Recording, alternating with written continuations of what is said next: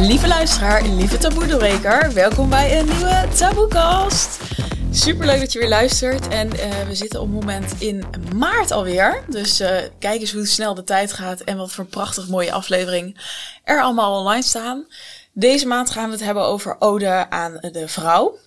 En als je dan denkt, ode aan de man, komt hij nog? Ja, in seizoen 2 denk ik. Um, ja, waarom dit thema? Ik denk dat er heel veel thema's rondom en mannen en vrouwen zitten die gewoon hartstikke in de taboe-sferen zitten.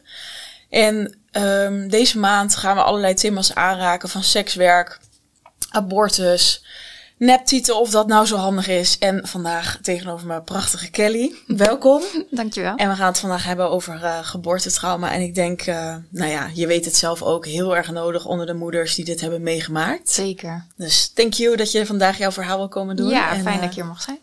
En ik wil jou vragen, stel je eens lekker voor. Ja. De vraag die we allemaal haten. en dan? En dan? Ja, ik ben dus Kelly. Ik ben uh, 33 jaar. Ik woon in Leiden met mijn man en mijn zoontje. Zwanger van de tweede. ja. En um, ja, vorig jaar in mei ben ik bevallen van mijn zoontje. Uh, daarvoor was ik al bezig in een soort van werkcrisis. Wat ga ik doen met mijn leven? Want ik vond mijn werk niet meer zo leuk. Um, ja, en toen uh, ging ik bevallen van mijn zoontje. Dat liep allemaal uh, niet zoals ik had verwacht. Um, en dat is uiteindelijk heeft dat geleid tot mijn huidige werk. Want ik begeleid nu vrouwen die, uh, uh, ja, die een heftige traumatische bevalling hebben meegemaakt. Om dat te verwerken, zodat ze kunnen gaan genieten van het moederschap. Ja, super mooi. Ja. ja, zo heet je coaching natuurlijk ook. Moederliefde. Ja, moederliefde. Ja, ja. super mooie naam, ja. Ja, hey, en um, want, hè, je vertelde ik meteen natuurlijk waarvoor je hier bent. En mm -hmm. ook super mooi eigenlijk. Hè, je wilt het misschien niet meemaken, maar dat het toch op je pad zo is gekomen dat je daardoor dacht van, oh wow, dit is echt nodig. Ja. Omdat je zelf misschien ook zaken hebt gemist. Voordat we daarheen gaan, wilde je altijd moeder worden? Nee, niet per se. Ook niet per se niet. -hmm. Maar ik had nooit echt zo'n hele sterk dat gevoel wat heel veel vrouwen hebben van ik moet een gezin of moeder worden, dat is mijn, uh, mijn destiny of zo. Ja, nee, dat, dat, dat had ik niet. Nee, ja. nee. Maar um, ja, ik zat gewoon een fijne relatie met uh, mijn huidige man. En op een gegeven moment ga je het er toch over hebben. En uh, ja, dan komt toch een moment dat het goed voelt. Dus toen zijn we daarvoor gegaan. Ja. ja. Is dat een bepaald moment? Of is dat zoiets van nee, opeens heb je dat gevoel samen? Um, ja, dat groeit, denk ik. Mm. Bij, ja, in ons geval. Tenminste, ja, hij, hij wilde sowieso altijd graag kinderen. Um, en ik, mij leek het ook wel leuk, maar je weet ook niet zo goed waar je aan begint, weet je wel. Ook wel dus, leuk. Ook wel leuk. Ja. Nee, maar ja, ja, wat ik zeg, ik had dus niet dat hele sterke moedergevoel, maar um, ja, dat groeit gewoon zo samen. En op een gegeven moment denk je, ja, van ja, het voelt gewoon goed, dus we gaan ervoor. En ik moet zeggen, ja, sinds mijn zoontje er is, ik vind het superleuk en veel leuker dan ik ooit had kunnen bedenken. Dus ik ben heel blij dat. Leuker dat dan zo, iets leuk. Dat doen we ja, er erbij. Ja, ja, nee, nee, nee. Maar ja, nee, ik vind het echt waanzinnig leuk om moeder te zijn. Dus uh, dat heeft heel goed uitgepakt. Maar uh, ja, dus dat is uh, gegroeid bij ons. Ja, ja precies. Ja. En je hebt natuurlijk heel specifiek moment meegemaakt, hè? Want het is natuurlijk pas bij de bevalling, uh, nou ja, ik zeg maar zeggen, ja, kun je dat zo zeggen, misgegaan? Of in ieder geval een bevalling die je misschien niet zo had gepland. Ja. Hoe is voor jou de zwangerschap verder gegaan? Um, eerste trimester was pittig, want ik was heel misselijk. Ja. Zeg maar van zes tot 16 weken, dus ook best wel lang. Dat iedereen al zei vanaf 10 weken, oh je, het zit er bijna op, weet je wel. En toen zat ik nog anderhalve maand, hing ik boven de pot. Dus dat was best wel pittig. Maar daarna ging het eigenlijk heel goed. En um, ik had me ook super goed voorbereid op de bevalling. Ik was heel bewust mee bezig en ik had zoveel vertrouwen erin. Ik dacht echt, nou kom maar op, weet je wel, dat ga ik doen. Ja. Dus je um, hebt ook nooit van tevoren gedacht van, oh, je hebt, of ja, het is misschien ook logisch dat je uh, daar niet meteen aan denkt, maar ja, dat je gewoon lekker vol vertrouwen erin gaat. Ja. Want dat betekent dus ook van, het is helemaal niet je mindset of iets. Nee. Het is gewoon, ja, op dat moment misschien het overkomt je dan opeens. Ja, want ik had ook, nou ja, mijn mindset was, ik sta er vol vertrouwen in, dus het komt wel goed, weet je wel. Ik was niet angstig of wat dan ook. Um, maar ja, ik had uiteindelijk pech met heel veel dingetjes, of heel veel dingetjes, een aantal dingen. Um, want ik werd ziek aan het eind van mijn zwangerschap. Met 41 plus 5 weken. Dus ik was al, nou ja, zeg maar de inleiding staat voor de deur. Want als je bij 42 weken uh, komt, dan, uh, dan is dat vaak de, de way to go, zeg maar. En toen werd ik ziek, toen kreeg ik het HELP-syndroom. Uh, een soort, ja, wat je vroeger zwangerschapsvergiftiging noemde. Het soort, ja, ex extreme, zware variant daarvan. Um, maar ik dacht, ja, dat begon met dat ik me niet lekker voelde. En toen ging ik googlen mijn klachten. En toen stond er wel, ja, dit kan dat zijn. Maar ik dacht, ja, what the fuck, ik ben 42 weken zwanger. Hoe, mm -hmm. Dat kan toch helemaal niet meer? Um, maar ja, dat was dus toch het geval. Bleek nadat de verloskundige kwam en dat ik in het ziekenhuis gecheckt was. Ja, en dan is gelijk duidelijk dat het allemaal super medisch wordt.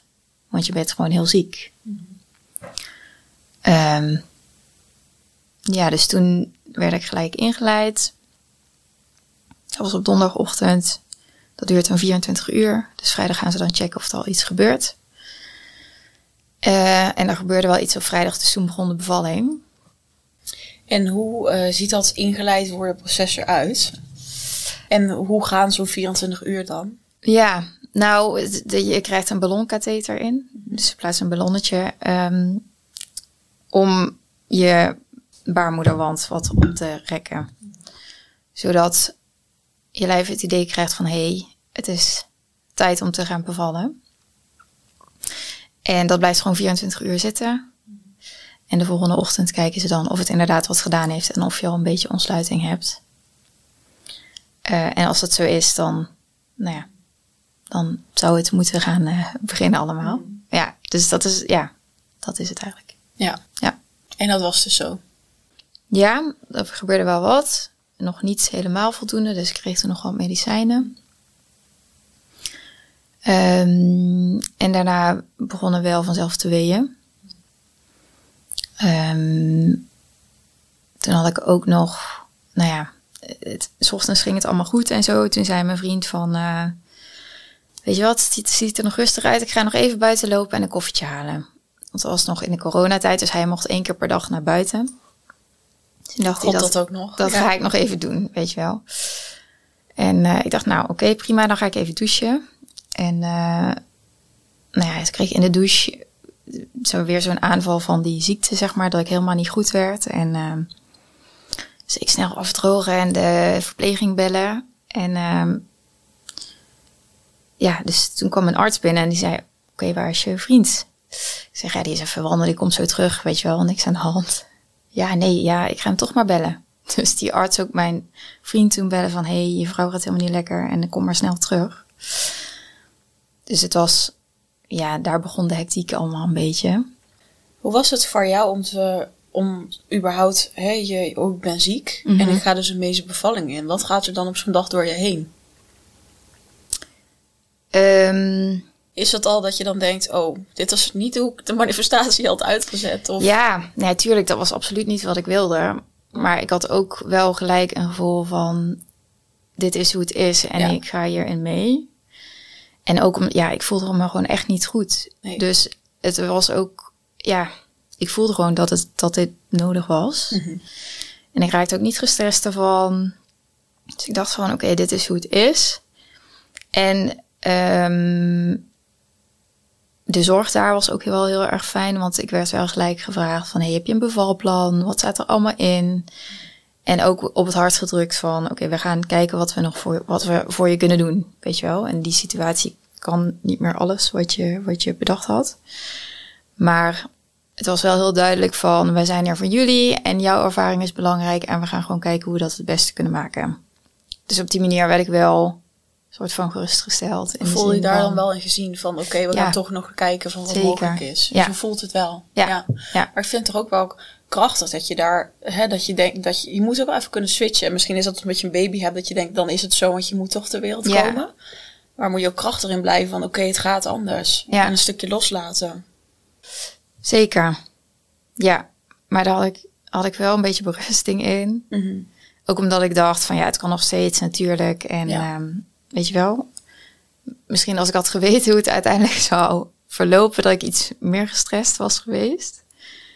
Ja, dat het allemaal goed is dat je dat, dat ja. soort scenario's allemaal nog niet kent. Nee, ja. want ja, weet je, je, er wordt al tegen je gezegd dat je ziek bent, maar ja, dat het echt iets ernstigs was, dat had ik ook niet direct door of zo. Dus op dat moment is dat gewoon wat het is en dat is je situatie. En ik dacht, ja, oké, dan gaan we hier gewoon uh, in verder. Ja. Vriend kwam weer terug. En vriend toen, kwam weer terug. Ja, en Want toen... was hij geschrokken ook als de arts dan belt van, nou, je moet komen. Lijkt me ook niet echt lekker ja. belletje. ja, dat weet ik eigenlijk niet. Of die, ja, ik denk wel een beetje, want dat is wel een beetje een gek belletje natuurlijk. Ja. Maar ja, toen was hij terug. En toen um, werden we gelijk, ik lag in een soort, uh, ja, zo'n kamer, een soort suite of zo noemen ze dat al. Ja. Uh, dus we werden toen verplaatst naar de verloskamer toen hij er was. Uh, ja, en toen was het wel een beetje alle hens aan dek, want ik kreeg allemaal medicijnen. En um, als je die ziekte hebt, dan is je bloeddruk super hoog. Dus dan is er een risico dat, je, dat er neurologische dingen gebeuren, dat je aanvallen kunt krijgen. Dus je hebt alle, ja, ik had echt zes infusen in mijn arm en weet ik veel wat mm. allemaal. Uh, dus dan is het gelijk heel hectisch en alle hens aan dek en zes man in je kamer, zo'n heel verzorgteam. Um, maar ja, op een gegeven moment ga je gewoon die weeën in en toen ben ik gewoon weeën op gaan vangen. En dan zit je toch een beetje, ja, ik zat ook heel erg in een bubbel.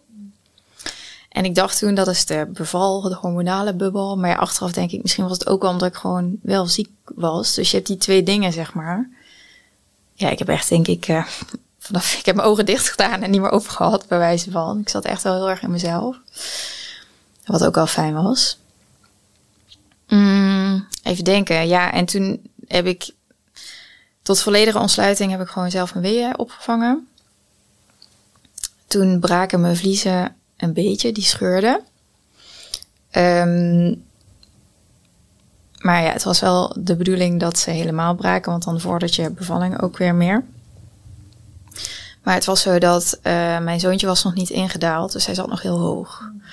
En dan bestaat er het risico als ze de vliezen gaan breken dat de navelstreng eerst komt. En dat is gevaarlijk.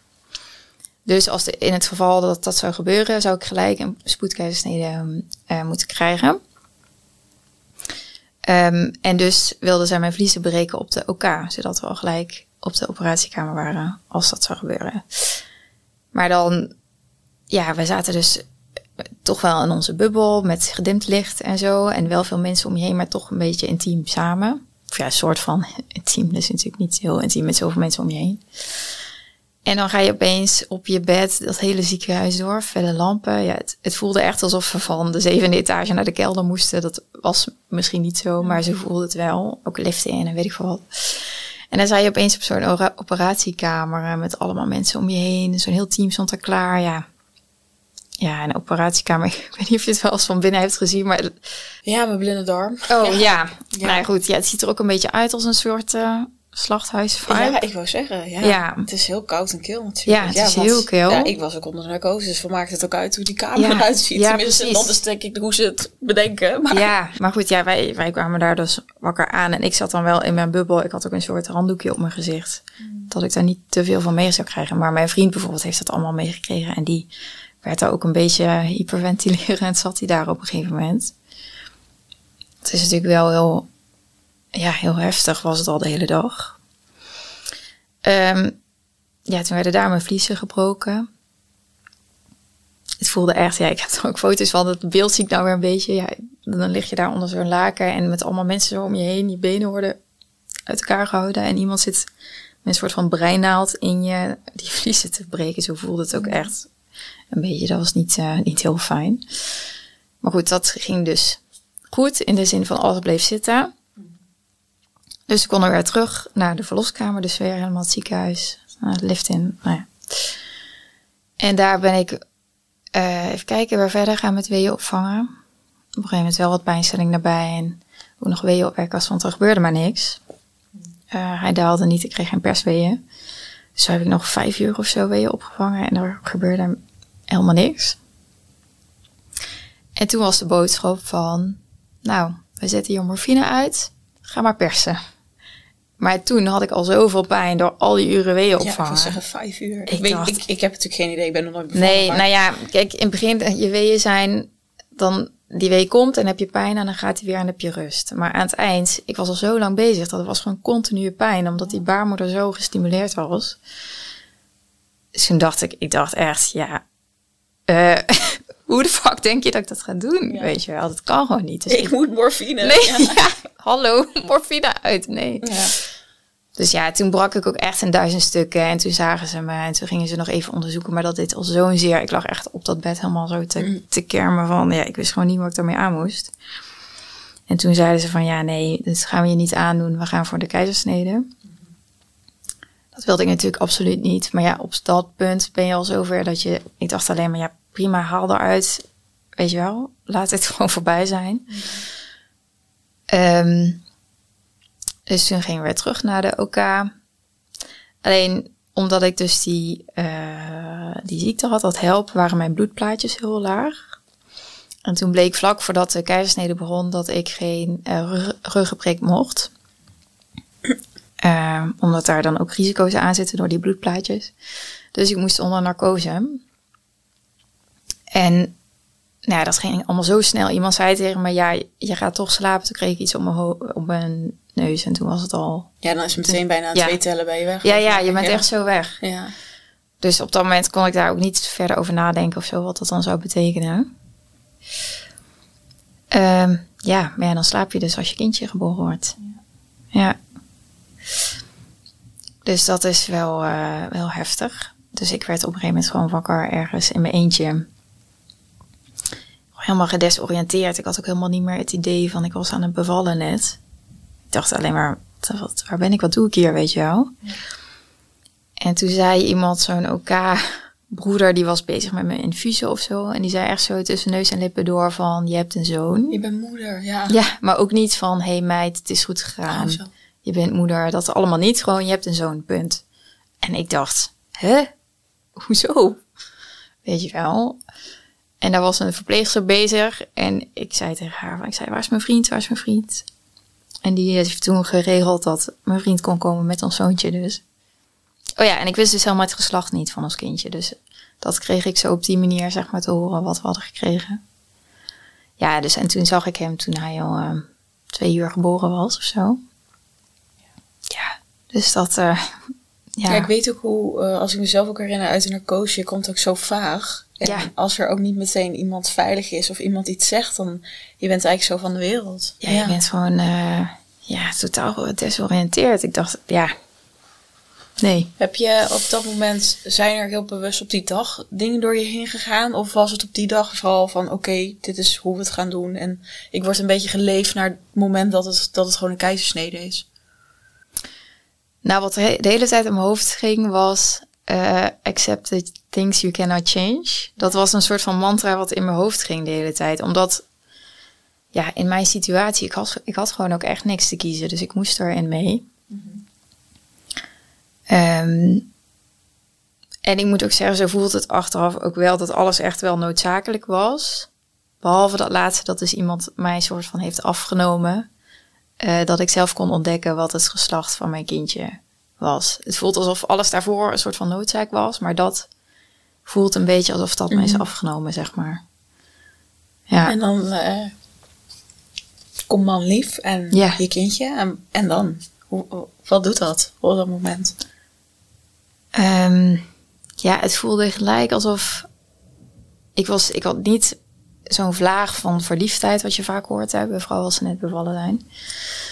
Kwam ook denk ik door mijn hele staat misschien wel, maar wel direct het gevoel van eh, jij hoort bij ons en dit klopt.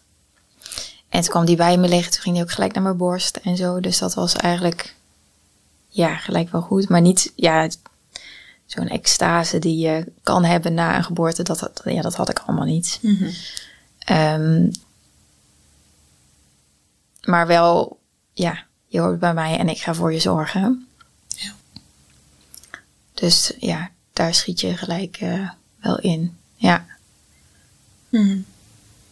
En dan heb je dat moment gehad. Je hebt Mhm. natuurlijk een keisnede gehad, dus het is best wel een heftige operatie. Ja. Ik kan me voorstellen dat dat heel veel tijd ook heeft, nodig heeft om te herstellen. Mhm. Is er daarna iets van, bes- want wanneer komt het besef van, oh, ik had eigenlijk echt heel iets anders in mijn hoofd. En ja, beginnen die eerste gedachten dan zo van, ja, wat, wat heb ik voor een bevalling meegemaakt?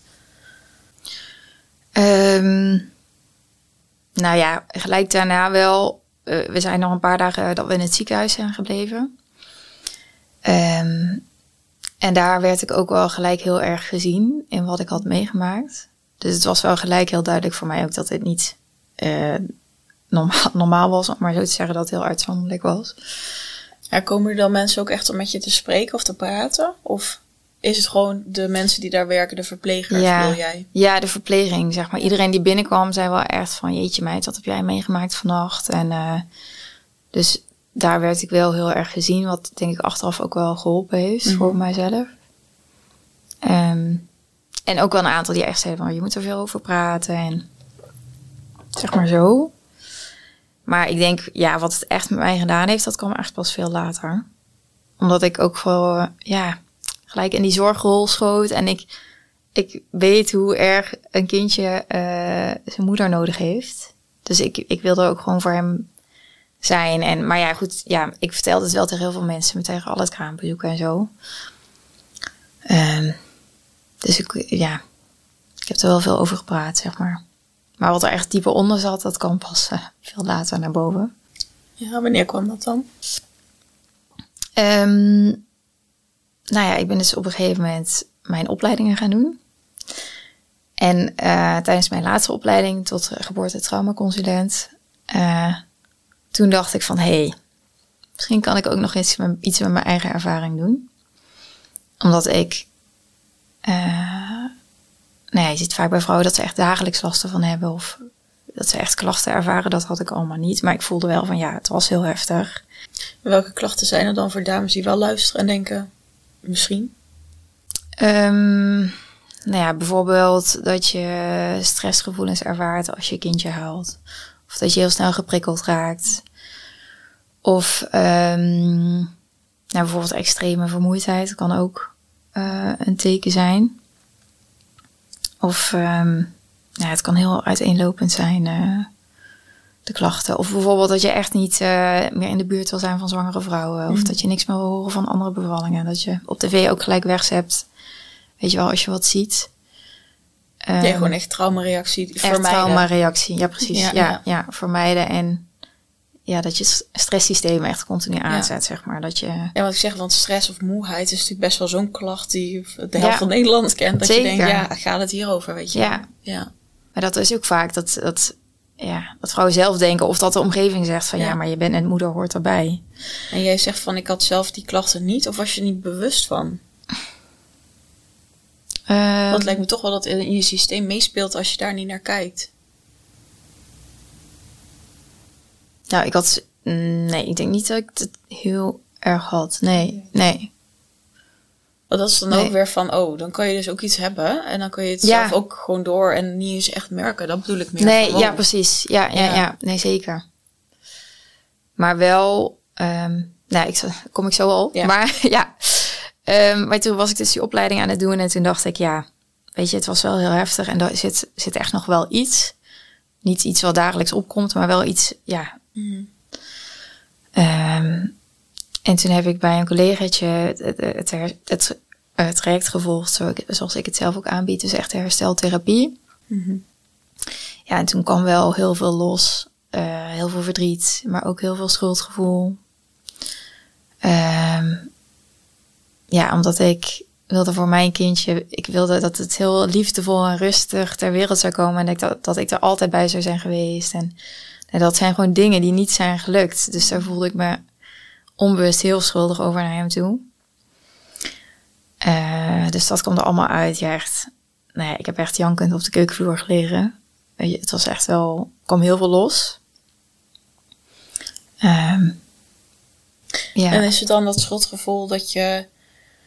Zit hem dat dan in van, oh, ik heb inderdaad daarin al gefaald. Of ik heb het niet goed gedaan. Of hoe ik het wilde. Wat is dan precies wat je ervaart? Ehm, Als je dus bewust van bent, hè? Want eerst was het onbewust. ja. Nou ja, vooral dat ik hem niet heb kunnen geven wat ik zo graag wilde voor hem. Mhm. Ook al weet ik rationeel dat ik daar echt helemaal niks aan kon doen. Omdat het, nou ja, zo gelopen is. Maar ja, ik wilde het zo graag anders voor hem. En dat heb ik hem niet kunnen geven. Dus daar zat het vooral op. Ja. merkte je dat dan naar, ehm, of ja, in, in, in jullie band of zo? Nou, dat is dus wat ik. eh, ehm, nee, onze band was gelijk heel, heel goed. Ja. Maar toen ik eenmaal dat verdriet en dat schuldgevoel, toen dat er allemaal uit was, toen was die opeens nog zoveel hechter. Ehm, dus het is niet zo dat ik dacht, er zit iets niet goed in onze band. Maar ik merkte wel, nadat ik dus al die shit kwijt was, om maar zo te zeggen, dat ik ook veel meer ruimte weer had om nog dieper te verbinden met hem. Dus dat heeft er wel tussenin gestaan. Ja, Ja. Ja, er zit een beetje mee te denken van, oh ja, als, als luisteraars het herkennen van hoe, hoe eh, herken je het natuurlijk bij jezelf? Ja, je weet natuurlijk wat je hebt meegemaakt. ja, Maar hè, wat ik bij jou ook heel erg hoor van, jij wist het ook. En uiteindelijk heb je dan ook de keuze echt heel bewust gemaakt van, oké, ik wil hier iets mee. Ja. Maar als ik het ook hoor, kijk, als je er niet echt last van hebt, je kan het natuurlijk ook wegstoppen. Dat kan, want het lijkt me dus ook heel pijnlijk om te moeten toegeven, oh, ik heb schuld en ik heb Ja. verdriet. En, Ja. ja. zeker. En dat is ook wel, denk ik, wat er vaak gebeurt. En zeker omdat je als moeder ook denkt van ja, je wil gewoon voor je kindje zorgen. En dan stop je je eigen ervaring een beetje zo weg. Mhm. Ehm, en dat is denk ik wat ik in eerste instantie ook heb gedaan. Maar ja, ik ben er wel van bewust van als iets in je leeft, dat het er dan, dan uit mag. En dat het alleen maar goed is als het eruit komt. Mhm. Maar ehm, ja, ik denk zeker dat het heel veel gebeurt, eh, dat het weg wordt gestopt. En Ja, Ja. want in die tussentijd, hoe, eh, gaan er de, of hoe, gaan er dan, hoe gingen die dagen dan? Van, hè, denk je daar veel aan? Is het dan helemaal weggestopt? ehm, nou, in het begin wel. Toen, ja, toen praatte ik er toen ook heel veel over. of ja, als je visite krijgt, dan snap ik ook Ja. als je daar heel veel over hebt. Ja. ja. Dus ik heb er wel heel veel over gepraat. Ehm, ja, een beetje met vlagen, denk ik. In het begin was het er wel heel erg. Toen ook weer best wel lang niet. Toen ging ik mijn eigen herstel in. Dan is het er wel heel erg op de oppervlakte. Ehm, ja, en nu ik weer opnieuw zwanger ben, nou denk ik er ook wel vaker op terug. Ja. Ja. Dus het, het zijn meer periodes voor mij. Ja. Mhm. En ehm, dat schuld, hè, je zegt van, oké, ik ben er naartoe gegaan en dat verdriet. Hoe is dat voor je geweest? Hoe, hoe gaat zoiets? Dat is natuurlijk het traject Ehm, wat jij zelf ook aanbiedt, ja. maar... Ja. Ehm, nou, hoe dat ging. Ik, ik heb dan mijn eerste gesprek gehad. En dat is waar, ja, waar je echt teruggaat naar je ervaring. Waarin je gaat verbinden met je, met je gevoel en met wat je hebt meegemaakt. En daarna, nou ja, dan, dan wordt het dus, dan wordt er weer in geroerd als het ware. En dan komt het weer allemaal omhoog. Dus daarna, ja, toen voelde ik me ook weer somber. En toen kwam dat verdriet weer echt omhoog. En toen zei mijn man ook van, jeetje, lijkt alsof het nu slechter met je gaat dan voor dat gesprek. Ga maar niet meer. Ja, nee, Bijna. ja. Ja. Ik zei, ja, dat klopt. Maar ja, nu komt dat weer omhoog, weet je wel. Wat, is waar je doorheen moet. dan. ja, daar moet je echt doorheen. Dus ehm, Het klinkt niet heel aantrekkelijk voor de mensen die luisteren en dachten, nou, misschien. Maar ja, er is geen quick fix, sorry. Nee, ja. Je moet echt er geen doorheen. Ja. helaas. Nee, ja. Kan niet zo wegnemen, helaas. Nee, ja, je moet daar wel doorheen. En je moet gewoon voelen wat je, wat je weg hebt gestopt eigenlijk. Ja. Dus in het begin kwam dat een beetje langzamer omhoog. En ook dat ik... eh, ik heb heel veel foto's van de bevalling. Die had ik wel eens bekeken. Maar niet heel goed, bleek toen of zo. Weet je, een beetje vluchtig. ja, dat je ook niet helemaal kan intappen op, oh, dit voelde ik dan. Ja. Zoiets. Ja, ja, en ik moet zeggen dat dat in het begin nog steeds wel lastig was na dat gesprek. Want ik keek er wel naar en dacht ik, jeetje, heftig. Maar vooral de eerste foto's van Faber, van mijn zoontje, die vond ik heftig. En die van mezelf leek het wel alsof ik naar iemand anders Ik wil zeggen, het lijkt net of je vanuit de derde persoon of Ja. gewoon naar een ander album. Ja, ja, precies. Ja. Ja. een beetje dat. Maar toch kwamen sommige al wat heftiger binnen. Dus dat was gewoon een beetje zo aan het gisten dat het steeds meer omhoog kwam. En ik denk eh, een week later of zo. Toen had ik een dag dat ik al steeds van die dingen tegenkwam. Iemand die net zwanger was of en net echo had gehad. En dan op eh, Insta iets gelezen over wat een geboortetrauma met een kindje doet. En allemaal van die dingetjes. En Eh, triggers. triggers. Kreeg jij. Ja, Thanks, ik kreeg allemaal triggers. Ja, precies. en toen eh, ging ik Faber ophalen. Ik was al wat te laat, dus daar voelde ik me al schuldig over. Toen waren we thuis met z'n tweeën en toen was ik heel even niet op aan het letten. En dat was toen hij, hij was toen aan het leren lopen. Mm. Dus ja, dan gaat een kindje het honderd keer per dag op zijn bek eigenlijk. Mm.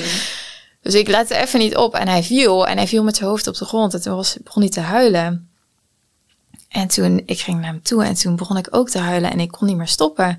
Dus toen kwam dat helemaal zo los. En toen, ik kon ook alleen maar, ik zei de hele tijd sorry, sorry, sorry. En ja, dus toen die hele dag en dat hij dan viel. En dan ik die schuld daarover voelde. En toen Mhm. kwam het helemaal los. Ja, en toen heb ik echt, volgens mij echt drie uur op de grond gelegen ongeveer. Ja, ook dit klinkt heel heftig, maar... ehm, Ja, wat is heftig aan huilen en iets mogen voelen. ja, klopt. Maar, maar, ja, ik snap wel wat je zegt. Ja. Natuurlijk zoveel maar het is niet dat je denkt, lekker, dit ga ik even doen. Nee, Weet je wel. tuurlijk. Nee, Maar dat is natuurlijk vaak met dat dingen die onze aandacht dit eigenlijk ja, mogen precies. Ja. ja, dus ik, eh ja, toen was ik eerst alleen met Faber en toen kwam, kwam een man thuis die dacht ik echt, wat is hier gebeurd? Wie is er overleden? Weet je wel zo. Ik zei, ja, weet je, laat me maar even, dit moet eruit. Dus dat heb ik ook gewoon, ja, toe kunnen laten. En op de een of andere manier, ja, ik weet niet of je dat, dat herkennen sommige mensen soms wel eens. Als je echt zo van die diepe emoties doorgaat, wat echt vanuit een eerder gebeurd iets komt, dat je dat ook een beetje, je voelt het wel, maar je kan er ook als een soort van beschouwer naar kijken. Als je snapt wat ik bedoel. Ja. Het is alsof je je eigen verdriet soort van kan observeren. En dat had ik toen ook heel erg. Dus ik voelde heel erg van, oké, dit is goed, dit is goed, dit moet eruit. Ja. Dus ik heb het gewoon laten gaan en daarna was ik gesloopt en toen ben ik naar bed gegaan. Mm. En ehm, ja, toen is het eigenlijk bergop gegaan weer, ja. Dus dat was echt wat eruit moest. Ja, Ja, want het klinkt misschien of zwaar of dat je denkt, oh heftig. Maar aan de andere kant is het ook maar dat dus aanraken. En Ja. kijk eens hoe bevrijdend dat wel is. ja, totaal. Ja. Ja, zeker. Hey, ik kan me voorstellen als iemand luistert en ook voor jou hè.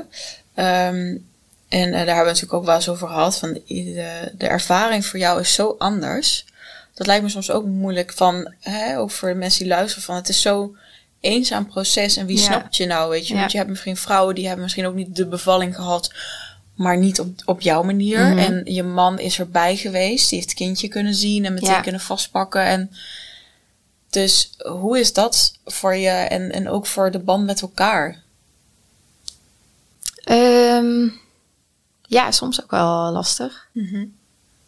Ehm, want in het begin, nou ja, wat ik zei, ik heb wel overal tegen iedereen eh, gewoon het verhaal gedaan en zo. En ja, de omgeving vooral, die ziet vooral het, eh, het gezonde kindje en dat het gewoon in principe goed gaat. Eh, en daar ligt dan de focus op. Dus zo, ja, er is eigenlijk inderdaad niet echt iemand die dan kan indenken van hoe het voor jou was. Maar ja, mijn man natuurlijk ook niet. Het is ook heel. Nou, hij is sowieso vrij rationeel. Dus voor hem was het oké. ik heb het een paar keer over gehad. Het gaat nou goed met Faber en het gaat goed met jou en het is gewoon goed zo. Ehm, maar ja, dat, ja, hij kan zich ook niet helemaal inbeelden hoe dat voor mij is geweest. Dus op een gegeven moment heb ik een soort van situatie voor hem geschetst. Van, ehm, ja, stel je voor dat je bij de bevalling was en dat je op een gegeven moment dacht, ik ga even koffie halen. Je stapt de lift in, storing. En je zit daar uren en als je terugkomt, lig ik daar met ons kind in, in mijn armen. En dat heb je dus gemist. Eh, dus toen dacht ik, oh ja, ja dat zou wel echt... eh, Ja, ja, deze deelde ik op Instagram. ja, hè? precies. Ja, Ja, binnen, ja, ja. Dus toen snapte hij het wel eventjes, maar ja, het, het is gewoon ehm Je hebt zo'n andere gek. beleving. Ja, je hebt zo'n andere beleving. Ja, Het is wel, want we kunnen wel vaak zeggen van, oh jee, maar ik kan me wel inleven. ja, Maar, maar, ja, dit- kan je het echt, weet ja, je wel? Ja, Ja, niet dus, want je hebt het niet meegemaakt. maar- nee, nee. En ik spreek nu wel natuurlijk heel veel vrouwen die wel, ja, niet precies hetzelfde, maar wel, Ja. weet je wel, eh, ook iets soortgelijks hebben meegemaakt. Of in ieder geval qua heftigheid. Dus dat ehm, voelt al een stuk minder eenzaam. Maar ja, het is wel heel gek ja, als niemand je begrijpt eh, hoe dat nou zit. Ja, dat lijkt me ook wel weer, dan ga je dus ook weer daar alleen door een soort proces.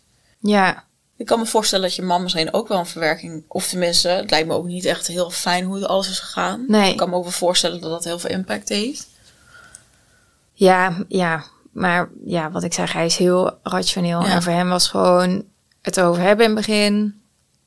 En toen het ging goed en dat is het dan. Dus hij, hij kon het wel snel afsluiten. Eh, maar dat bij mij iets langer duurde. ja. Ja. Ja. Heb je ooit, ehm hè, want we zitten een beetje over de taboes. Nou, dit is sowieso denk ik een taboe hè, van hey, hoe gaat een zwangerschap en ook hoe voel je je als moeder? ja. Hè, je zegt ook nu gaat het heel goed. We hebben wel altijd een band gehad, maar heb je wel ooit, hè, want het zijn het ook al ervaren van, oh, ik ben geen goede moeder? Ehm, nee, ja, nee, niet zo vaak eigenlijk. Nee. Nee, omdat ik, ja, ik vaar eh, vooral mijn gevoel of zo. En dat, ja, nee, ja, het gaat eigenlijk vanaf het begin heel goed. Ja, Dus nee, dat maar ik nooit ik, kan me voorstellen als vrouwen er dus wel mee hebben gemaakt van Ja, dat ze dat dus wel zo ervaren. Of oh, en ik heb, ik heb niet kunnen bevallen. Dat hoor je heel vaak volgens Ja. mij van.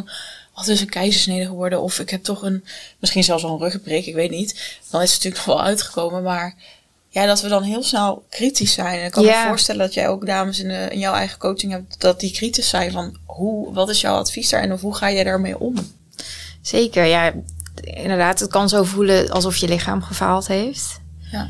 Ehm, en ja, veel vrouwen hebben het idee van als ik al niet kan bevallen, dan ben ik ook geen goede moeder. En nou, ik denk dat daar ook heel veel schaamte op zit. Dat gevoel van ik doe het niet goed en Mhm. ik wil het beste voor mijn kind, maar ik voel me niet goed genoeg. Ehm, ja, mijn eerste advies zou altijd zijn praat daar met iemand over. Hoe moeilijk het ook is. Maar als jij zelf in je hoofd alleen maar dat blijft door, eh, doorgaan over dat gevoel en dat idee dat je geen goede moeder bent, dan wordt het alleen maar erger eigenlijk. Ja. Maar dat is natuurlijk wel heel lastig. Want ik bedoel, dat we, ik denk dat dat iets is. Dat gevoel van ik doe het niet goed genoeg als moeder. Dat het al heel lastig is om dat aan jezelf toe te geven. Dat te erkennen dat het er is. Ja, dus dat is, dat is wel heel lastig. Mhm. Er komt wel steeds meer openheid over, denk ik. Nou, onder andere. Waaronder hier. Ja. Dus ja, weet je, als je het moeilijk vindt om in je omgeving daarover te praten, ga ik uit naar mij of weet je, er zijn, er zijn wel genoeg eh, Mhm. mogelijkheden. Maar ik snap wel dat het heel lastig is, ja. Ja. Ja. En jij richt je ook eh, vanuit geboortetrauma dan weer vooral op de verbinding met, met moeder en kind. Mhm. Hoe- Want jij zei het al van hè, onze band is ook heel erg vooruit gegaan. Ja. Hoe heb jij, want je hebt natuurlijk ruimte gemaakt en hoe is het dan dan uitgepakt? Want mensen denken misschien, nou heftig, ik ga niet drie uur op de grond lopen janken. maar wat is dan nu Maar- van, het zo, wat, wat heeft het je zo erg opgeleverd dat je zegt, ja, dit, dit, als je hier naar luistert en je er- ervaart dit ook, of er is iets dat je hier gewoon echt iets mee moet, want Ja. ja. Nou ja, kijk, als je dus zo'n heftige ervaring hebt gehad en er leeft nog van alles in jou, allerlei gevoelens daarover. Mhm. Want die kun je wel, daar kun je van weg willen rennen of die kun je willen onderdrukken of wat dan ook. Maar het zit gewoon in je lijf.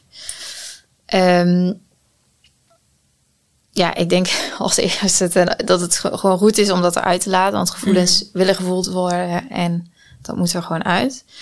Maar ook als jij ehm, allerlei gevoelens onderdrukt, vervelende gevoelens, ehm, dan kan het ook zo zijn dat je allerlei andere dingen onderdrukt. Vreugde, liefde. Dus als jij kan oplossen wat er in de weg zit, Mhm. dan ontstaat er heel veel ruimte. Eh, Heb je dat zelf ook ervaren? Dat je daarna ook weer vreugd of, vrolijker of dankbaar of iets kon zijn? Ehm, nou, wel eh, qua dankbaarheid voor eh, Faber. Ik dacht opeens, dacht ik, iedere dag van jeetje, wat ben jij een cadeau. Mhm. Dus dat heb ik heel erg ervaren. Maar bijvoorbeeld ook dat ik meer open durfde te zijn. En dat soort dingen. Dus het, ja, er werd ook een stukje verbinding met mezelf hersteld. Mhm. Ja, van die heftige gevoelens. Het is alsof je een soort blokkade in je lijf hebt. Ja, is eigenlijk ook. Dat Ja, is ook zo. ja. Ja. Dus dat, ja, als je dat niet oplost, dan, dan gaat het voor allerlei dingen liggen. Ja. En voor de verbinding met je kind, of hoe heb je dat ervaren dan? Mm, nou ja, wat ik dus zei, opeens dacht ik van iedere dag van jeetje, wat ben jij een cadeau. Mhm. En die, ik, ja, ik voelde me gewoon dichter bij hem staan. Dat is een beetje moeilijk uit te leggen, misschien. Ja, dat is meer iets wat in de energie dan verandert. Maar ik kan me Ja. ook voorstellen dat je kind dus naar, jezelf, naar jou ook verandert. Omdat het natuurlijk ook heel erg in de energie zit, hoe een Ja. kind doet. Ja. Ja, ik denk ook wel dat we, dat we hechter geworden zijn. Ja, ja. Dat hij meer naar mij toetrekt. Ja, denk ik wel, ja. Ja, sinds toen. Mhm. Ja. Want ook, ja. Kijk, als er bij jou iets in de weg zit, waardoor jij je niet helemaal kunt geven aan je kindje, dat voelt je kindje ook natuurlijk. Die voelen, ze zitten af zwaar. Ja, de navelstreng is doorgeknipt, maar energetisch zit je gewoon nog aan elkaar vast. Ja. Dus alles wat daartussen zit, dat voelt, je- voelt je kindje ook. ja, kinderen zijn een leuke spiegel, of niet? Totaal, ja. Ja. Weet je waar je aan begint? Ja. Ja. Hey, je bent nu eh, natuurlijk eh, nou, weer zwanger, hè? Ja. Dat is eh, super leuk. Ik kan me voorstellen, want jij zei het ook net al even. Ja, is het iets waar je nu bang voor bent? Of dat je zoiets hebt van nee, weet je, dit wordt gewoon hè, weer in, die, in het vertrouwen van nee, dit gaat echt totaal iets anders worden. Mhm. Ehm, nou, ik heb nog steeds heel veel vertrouwen in mijn lichaam, dat ik het, zelf, dat ik het gewoon kan. Ja. Ehm, maar ik heb ook ervaren dat je, dat je heel veel pech kan hebben en dat dus heel anders uit kan pakken. Daarnaast spreek ik natuurlijk heel veel vrouwen die vervelende dingen hebben meegemaakt. Ehm, dus dat, ik voel me daardoor niet angstig, maar ja, het kleurt natuurlijk wel eh, je beeld van wat er kan gebeuren. Ehm, maar ja, omdat ik een keizersnede heb gehad, heb ik al een soort van eh, medische label. Dus ik ben al, ja, ik ben nou opeens een soort hoog risicogeval. Wat het wel allemaal iets minder onbezonnen maakt dan de eerste keer. Mhm. Eh, en waardoor ik ook in mijn voorbereiding op de bevalling over heel veel dingen na moet denken. Ehm, ja, dus het, het heeft wel eh, invloed daarop hoe je erin staat. Maar het is niet zo, ik, ik weet nog steeds 100% zeker dat mijn lijf het gewoon kan. En daar heb ik heel veel vertrouwen in. Ja. Maar je omgeving is ook heel erg belangrijk. En daar kunnen gewoon dingen in gebeuren die toch eh, dat allemaal beïnvloeden. ja, ik vind het denk ik wel een hele mooie die je aanstipt even over vertrouwen in je lijf. En ik kan me voorstellen inderdaad dat het dus ook weer helemaal weg kan zijn. Ja, het kan zo. Het ervaren En- ook heel veel vrouwen. En Ja. hoe connect je daar dan weer mee, weet je wel? Want ja, weet je, je kan misschien wel... Ik kan me ook wel voorstellen dat je denkt, nee, maar kom wel goed. Maar dat je... Ja, dat is toch weer zo van... Inderdaad, is ook soms van dingen om omstandigheden hangt het soms af. Mhm. Ja, dan heb je, hoe begeleid je vrouw daar dan in? Want jij zegt van, ik heb het eigenlijk altijd al gehad. Ja. Ehm, ja, dat gevoel van falen is, weet je, zoals dat schuldgevoel wat er dan ontstaat van ik heb het niet goed gedaan. Wat, wat er vaak gebeurt is dat vrouwen zichzelf heel erg de schuld geven van dat het niet eh, goed is gegaan. Ehm, Dus soort van, wat jij ook ziek was, van, oh, dat is mijn schuld dat ik ziek ben geworden? Of wat? eh? Nou ja, daarom, ik heb, kijk, ja, mijn situatie was een beetje anders. Maar Ja. bijvoorbeeld als je, Als nou, kun je natuurlijk niks aan doen, inderdaad. Nee. Ja. maar bijvoorbeeld waar het, waar het, het mee kan beginnen is bijvoorbeeld dat er tegen je gezegd wordt, eh, je ontsluiting vordert niet en het gaat niet goed. Je gaat te langzaam. Ja. Komt ook een beetje door taalgebruik. Hè? Dan leg je het soort van bij de moeder neer. Jij gaat Ja. niet snel genoeg. Ja. Ehm, en daar kan het al ontstaan dat vrouwen dus denken van... hé, hey, ik heb het niet goed genoeg gedaan, dus ik heb gefaald. Maar vaak... Nou ja, ik ga met vrouwen dan op een hele zachte manier verbinden... met wat ze hebben meegemaakt. Ehm, en dan gaan ze vaak al zelf verbanden leggen van... hé, hey, ik, het was niet dat ik het niet goed deed... maar dat iemand tegen mij zei... je doet het niet goed. Mhm. Zeg maar, dus als je ook meer op een rijtje krijgt van hé, hey, wat is er nou gebeurd? En als je even mag voelen wat dat met je heeft gedaan, dat, ja, dat lost vaak wel heel veel op. En ehm, ja, uiteindelijk als je verdriet en als dat allemaal verwerkt kan worden, dan is dat falen stuk, dat gaat ook al, dat gaat ook wel helemaal naar de achtergrond en dat wordt niet meer op die manier gevoeld vaak. Omdat je dan, ja, je ervaring echt verwerkt hebt. Ja, ik vind het wel mooi, een soort combinatie van de praktische dingen van oké, hoe is het echt gegaan? Mhm. Een soort analyse en dan ook Ja. wel het mogen voelen. Zeker, Ja. ja. Ja, want ik denk ook wel dat het een, mooi is wat je zegt van, eh, ik kan me ook, wat ik me een beetje in te beelden van, ik kan me heel erg voorstellen dat je dat meemaakt en inderdaad zo slecht over jezelf gaat voelen. En dat iemand het dus letterlijk heeft gezegd. En dat- Mhm. dat je ook merkt van, oh, wat voor woorden gebruiken mensen. En ook, ja. Ja. want dat is ook bijna een oproep aan het ziekenhuis. Of, of hoe je dus vrouwen die daar al staan, weet je, ik bedoel, wat de fuck, je gaat bevallen. Hoe bijzonder is het? Ja. Maar aan de andere kant ook hoe ja, impactvol op een of andere manier. Zeker. Heb, je, heb jij, want jij zei van ik ben heel goed opgevangen, maar is het wel iets wat jij ook nog in je visie hebt van oh, dit zou. Er zijn dingen waarvan ik denk, zeg van oh, dat zou nog zoveel beter kunnen. Ehm, nou ja, bij, ja, wat ik zeg, bij mij is het allemaal echt wel, als ik andere verhalen hoor, is het bij mij echt super goed gegaan. Maar ook vanuit die andere verhalen dus. Vanuit die andere verhalen, ja. Nou ja, bijvoorbeeld ehm, als je in het ziekenhuis gaat bevallen, dan gaat er gelijk een soort klokje lopen dat er tegen vrouwen wordt gezegd, je moet wel in kantooruren bevallen. Weet je wel, dat je gelijk een deadline krijgt als je binnenkomt. Holy shit, ja. Ja. nee, een kind komt lekker op kantoor. Ja, nee, precies. ja. Maar dat wordt echt gezegd tegen vrouwen. Of, nou ja, van... Nou ja, van die deadline-achtige dingen. Van, Ja, maar je komt om vijf uur binnen en dan is het kantoortijd bijna voorbij en dan wat? Ja, ja. Dus, ja, nou ja, goed. Of op een gegeven moment van, ja, je krijgt nog tien minuten en anders komt de vacuüm erbij. Of dat soort dingen, weet je wel. Die deadline-achtige dingen. Eh, ja, dat, dat is gewoon heel stressvol. En als je Ja. stress ervaart, dan dat gaat helemaal tegen je hele eh, geboorteproces in. Tegen die hormonale, hormonale processen wat er allemaal gebeurt. Of, eh, nou ik heb wel eens iemand gesproken die was dan zo moe van de bevalling dat ze alleen maar kon slapen daarna. Eh, en ze was zo moe en ze sliep zo diep dat ze haar kindje niet had horen huilen. Zeg maar na de bevalling toen het al geboren was. En dat dan iemand binnenkomt en verpleegster. Nou zeg, eh, normale moeders die horen hun kind wel. Weet je wel, zo. En het is eh, nee, in je zwangerschap, maar zeker rondom de bevalling, je brein werkt gewoon anders. Je rationele stuk is helemaal naar de achtergrond. Lijkt me ook wel handig als je zoiets Ja, nee, doen. totaal. Maar Ja. kijk, normaal kun je denken, kutwijf, hou je bek. Ja. Maar dat kan op dat moment gewoon niet. Dus dat raakt jou gelijk in je, je zit in ook je zo in je kern. gevoel misschien je zit ook. zo in je emotie. Ja. Ehm, dus ja, taalgebruik is wel eh, zeker wel een dingetje. Ja. Dat heftig Ja. als iemand dat zegt, van eh, zo'n soort verwijt van... Ja. Ja, goed, dus eigenlijk zeg je van, ja, een gewone normale moeder. Jij doet het alweer niet goed. ja, precies. Maar ja, dan voel je dus, fuck, ik doe het niet goed. Ja. Ja. Dus dat, eh, ja. Ja, weet je, er kunnen heel veel dingen beter, maar tegelijkertijd de zorg staat zo onder druk en dat baart me ook af en toe zorgen, want dan denk ik, ja, ook met die tijdsdruk en die deadlines wordt Maar dat heeft mee te maken met het hele zorgsysteem, bedoel Ja, jij? En ook hoe ja. we het inrichten. Ja, Ja. Dus dat is wel gewoon een heel ingewikkelde spagaat. Ja. Ja.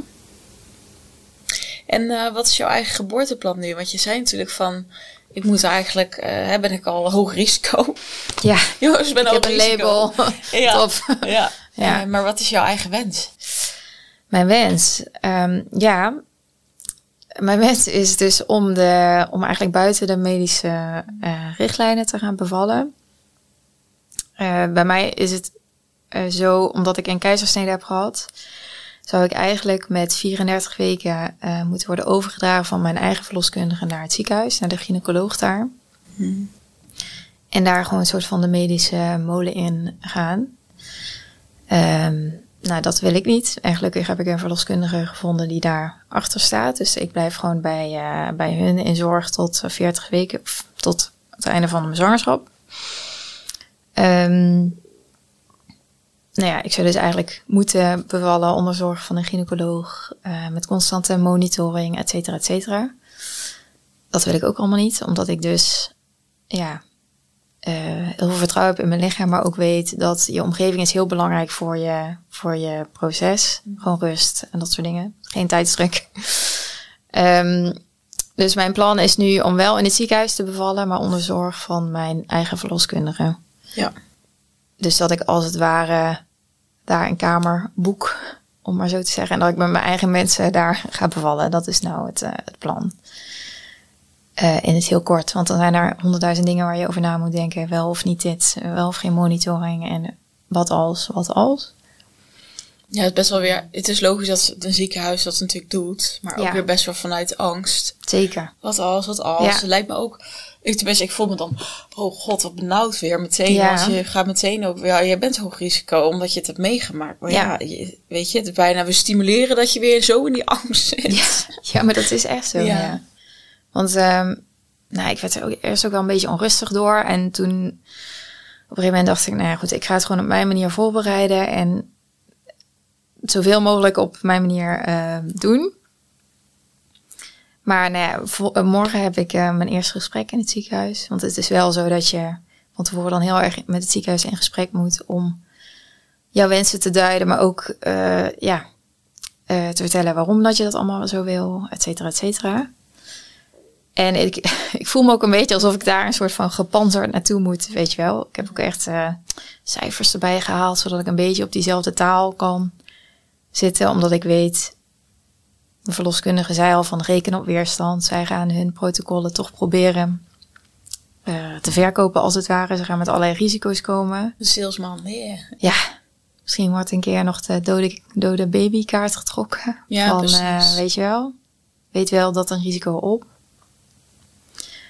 Dus ja, het voelt wel een beetje alsof je heel erg gewapend eh, eh, daarheen moet. Tenminste, zo voelt het voor mij. Ja. Maar eh, En jullie staan ook samen helemaal achter die keuze. ehm, ja, we staan er wel iets anders in. Ja, ja. Voor mijn man was het vooral belangrijk dat we in het ziekenhuis zijn. Hmm.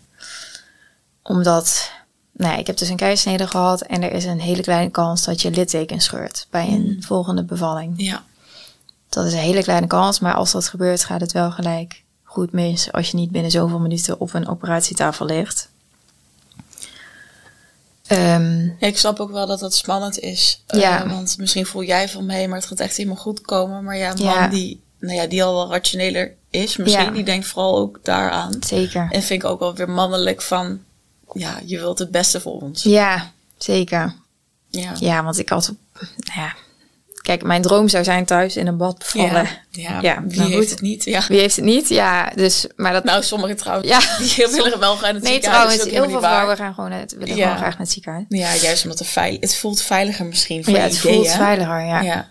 Maar ik moet ook wel zeggen dat ik wel bij mezelf ben nagaan van... hé, hey, stel het gaat fout en ik verlies mijn kindje... omdat ik zo graag thuis wilde Ja. bevallen, kan ik daarmee leven? En ik weet zeker dat ik dat niet kan. ja, want dat was ook mijn vraag aan jou. Van, Ja. hè? Want ze gaan niet, natuurlijk, wat je al zegt, die kaart trekken. Maar Ja, ja, kun je dat? Ja, ik Nee, denk ja. dat je zelf helemaal onderdoor gaat, eerlijk gezegd. ja, nou, ja, kijk, sommige vrouwen maken heel bewust die keuze daarin...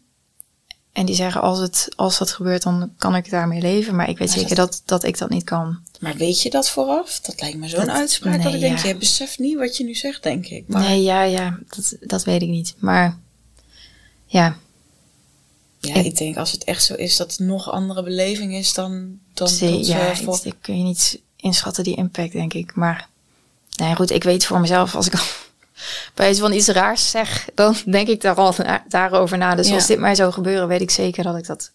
Ik kan daar niet mee leven. Nee, Dus toen dacht ik ook van, oké, prima, dan moet het ziekenhuis het gewoon zijn. ja. En toch fijn dat je nog een beetje zo'n kamer dan, eigen verloskundige. Ja, toch- weet je, het is weer omdat het, hè, en er is een stuk veiligheid, maar toch ook een stukje eigen inbreng. Dat vind ik wel mooi. Ja, zeker. Ja, je moet nog gaan verdedigen, maar Ik- eh, ik ik, moet heb nog, zoiets eh, van, ja, wat uiteindelijk, Ja. ik snap wel dat het ziekenhuis het doet, maar uiteindelijk, ja, ik denk dat jullie geval bepalen. Ja, En jij zeker. ook als mama, als, als je, ligt- Ja. jij ligt daar, ik bedoel. Ja, maar dat is het ook. Hè. Jij hebt, je, uiteindelijk heb je overal een keuze in. Ja. En jij bent leider, maar heel veel vrouwen weten dat ook niet. Want nou, ik was met vriendinnen eten van het weekend en die zeiden ook echt... oh, en kan dit allemaal? En Mhm. joh, ik dacht dat je dat gewoon moest doen. Maar niks moet. Je hebt er echt overal zelf een keuze in. Ja. En ja, die moet je misschien onderbouwen. Maar goed, Ja. ja, pri- prima. ja, en ik denk dat het ook het mooie is, mensen, je moet hem inderdaad onderbouwen, maar ik denk je als, juist als moeder dat je intuïtief ook zo weet van, nee, maar dit gaat echt lukken. Ja. Of- en natuurlijk is er dan pech en omstandigheden, maar ik denk dat het juist iets heel krachtig is van vrouwen op dat moment. Ja, zeker. Ja, En op die manier kun je echt de regie houden over wat er gebeurt. ja, En dat is ook heel krachtig. Want zelfs al gaat het dan mis, als jij wel bent voorbereid en weet van hé, hey, dit, eh, hier zeg ik ja op, hier zeg ik nee op. En je houdt toch zelf de regie in plaats van dat je alles over je heen laat komen en achteraf denkt van hé, hey, wat de Ja. fuck is mij overkomen? ja. Dus ehm, Nou mooi, gaat helemaal goed komen. ja, het gaat helemaal Alle goed komen. gaan het zenden. Nee, Ja. ik ben eh, super benieuwd. Ja, ik mag je natuurlijk lekker meevolgen. Dus die Ja, eh, zeker. lekkere buik die wordt. hey, ik heb nog een, een paar vragen. Een beetje afronding. Want we zijn Ja. bijna een uur aan het kletsen. Oh, nu al. Ja, zo gaat snel het. Ja, jeetje. De dames ehm, die dit hebben, of de vrouwen die dit hebben meegemaakt. En eh, hun bijvoorbeeld net een kindje hebben. Je hebt het misschien al gezegd. Ik denk dat jouw advies is, ga erover praten. Ja, Ja, nog iets toevoegend? nou ja, trek ook aan de bel ergens. Vraag echt om hulp, want je hoort ook heel vaak van, ja, ik geef het de tijd. Tijd heelt alle wonden. Maar niet als je er naar kijkt. Niet naar kijkt, denk Nee. ik. Ja. Nee, dat, ja, dat, dat trauma uiteindelijk zit gewoon in je lijf. En als je dat, dat blijft gewoon zitten en dat lost echt niet vanzelf op. ja. Dus ik zou echt wel aanraden van, doe er iets mee. Ja, ja, En helemaal als je misschien net zoals Kelly voor de tweede keer zwanger bent. zeker. En er nog niet naar hebt gekeken. ja, Dat dat ook wel heel fijn is en misschien geruststellend. Ook al voelt dat misschien wel gek. Maar ik denk dat dat altijd beter is nee, dan dat heel je... belangrijk, Ja. denk ik, ja. Want je kunt wel opnieuw voorbereiden en of denken van, nou, we zien, we, we zien deze keer wel. Mhm. Maar ik, ik, ik heb wel eens met vrouwen gesproken die dan de tweede keer, nou bijvoorbeeld die, die een eerste keer bleven hangen op een x aantal centimeter ontsluiting. En vanaf daar ging het mis. Mhm. En die bij de tweede bevalling bij diezelfde x centimeters weer gelijk in de stress schoten van. En dat is gewoon dat trauma wat er nog zit. Ehm, dus ja, ik zou zeker aanraden om hier echt serieus iets mee te doen. Want het, ja, je draagt het gewoon met je mee. Ja. En eh, Mooi, ja, Ja. voor je kindje. En voor ja, ook. Ja. Ja, zeker. Ja. Wat zou je de... Want er kunnen misschien mensen luisteren en denken... Oh, ik ken een vriendin. Of Ja, ik heb het wel eens meegemaakt. En toen was ik ook diegene die zei... Oh, maar het kindje is er toch, weet je wel. Ja. Wat zou je voor omgeving aanraden? Van hoe kun je hiermee omgaan? Wat is fijn? Hè? Als ik even naar jou kijk, wat had je fijn gevonden? Of merk. Of eh, zijn er vrouwen bij jou die dat hè, misschien ook delen? Of... Ehm, nou, vooral luisteren en ook de ervaring van de moeder erkennen. Mhm. Ehm, bij mij was het nog zo dat het iedereen zag dat het heel heftig was. Met name ook door de narcose, et cetera. Maar het is ook heel vaak zo dat het op papier lijkt alsof het allemaal goed is gegaan. Maar dat de moeder dat heel anders ervaren heeft. Ehm, Dus je bedoelt Dus- het papier... Oh, dat is een keisnede. Het kindje is gezond. ja, of, Of- bijvoorbeeld dat het heel snel ging. Oh, zo ja. Bijvoorbeeld. En dan zegt iedereen, oh, maar lekker snel man. Dat was fijn. Terwijl het voor de moeder zelf was het heel heftig. En Omdat het zo snel misschien wel Ja, juist. precies. Ja. Dus ehm, ja, vooral ook de, de ervaring van de moeder daarna luisteren en dat ook erkennen. En niet gelijk schieten naar, maar je hebt toch een gezond kind. Of je eigen aanname over hoe dat dan geweest moet zijn. ja. Maar echt naar iemand gewoon luisteren. Eh, je hoeft niet gelijk het eh, een soort pleister erop te plakken. Dat hoeft helemaal niet. Luister gewoon even naar iemand. Ja, Ja, ik mooi. denk dat vooral. Ja. Het is natuurlijk misschien wel fijn, want hè, jou, eh, we hebben al over gehad over je coaching, maar hè, dat, dat het dus helemaal niet hoeft te zijn van, oh, dat moet inderdaad ook een keisnee zijn, maar het is gewoon, jij, jij helpt alle moeders die gewoon het gevoel hebben van, nee, mijn bevalling, het, of er is iets, of het ging Ja. te snel, of het ging misschien heel traag, weet je wel. ja. Iedereen is daarin welkom. Als je daarin voelt van, oh ja, ik wil daar eens over hebben. Ja, gewoon als je voelt van hé, hey, er is iets gebeurd, wat dan ook. Het hoeft helemaal niet te zijn dat het zwaar medisch was. Of Nee. het kan ook zijn, nou ja, wat ik zei, dat je gewoon klote opmerkingen hebt gehad. En dat er dingen, dingen gewoon zijn waarvan je merkt, hé, hey, dat zit me in de weg. Ehm, en je weet het zelf het beste. Dus jouw ervaring telt echt. Als jij voelt, ik kijk hier niet goed op terug, Mm. dat is al voldoende om, eh, Ja. ja, dan ga ik graag met je in gesprek. Ja, precies. Ja. hey, even de kamer Ja, pakken. precies. Ja. Is er nog iets wat jij zelf mee wil afsluiten? Is er iets waarvan je zegt, oh, ik heb dit gemist? Eh, Ehm, nee, ik denk dat we wel eh rond zijn. ja? Ik denk het ook. Ja, volgens Mooie, wel. Ja, mooie boodschap. Ja, Ik vind ook, ehm, ja, weet je, wat ik altijd heb van die donkere kant of de dingen die we dan meemaken, maar het is nu helemaal je kracht. ja, Want juist, wij- ja, kijk, dat hebben ze wel eens, eh, in, weet ik ook wel aan de verslavingszorg, dat je mensen hebt die dan dus niet per se verslaafd zijn, maar daar toch werken. Mhm. is misschien anders, net zoals bij jou. Je weet echt waar iemand doorheen Ja. gaat. En dat vind ik ook Weet Ja. je, dat, het, dat moet misschien wel in, in deze, want ja, nou, ik dus- merk wel dat moeders dat heel fijn vinden. Ja. Ja. Die echt zeggen, maar ja, jij snapt me. Of- Ja. ja. Zeker. ja. Dus eh, thanks voor je verhaal. Ja. en inspiratie. Ja, mocht je hebben geluisterd, überhaupt het een mooi verhaal vinden, nee, je kan Kelly vinden. We zetten alles in de informatie. Dus ja, stuur vooral een DM als je het mooi vond. Maar ook natuurlijk als je hebt van, oh, nou, dit heeft me wel geraakt. En eh, heel eerlijk, voel ik misschien wat. Kun je Kelly dus ook zeker een eh DM'tje sturen. Of even Ja. naar haar website om, eh, nou ja, misschien een mailtje te sturen. Kijk maar wat je fijn vindt. Nou, wil ik jou heel erg bedanken voor je mooie verhaal en de Ja. aftrap van Ode aan de Vrouw. En eh, ja, ik denk een hele mooie eerste podcast. Laten we alsjeblieft wat opener zijn over überhaupt zwangerschap en hoe het is met een kind, weet je wel. Kunnen we ook nog een hele podcast Zeker, over dan opnemen. Ik ben zelf nog geen moeder, maar ik denk ja, de, de perfecte blaadjes op Insta, dat is toch niet helemaal hoe het is. En Nee, eh, dat is de niet tijd na de roze wolk is, ja. is ook wel anders. Goed, ik ga jullie bedanken en volgende week eh, spreek ik jullie weer bij een volgende nieuwe. Dikke kus. Doei!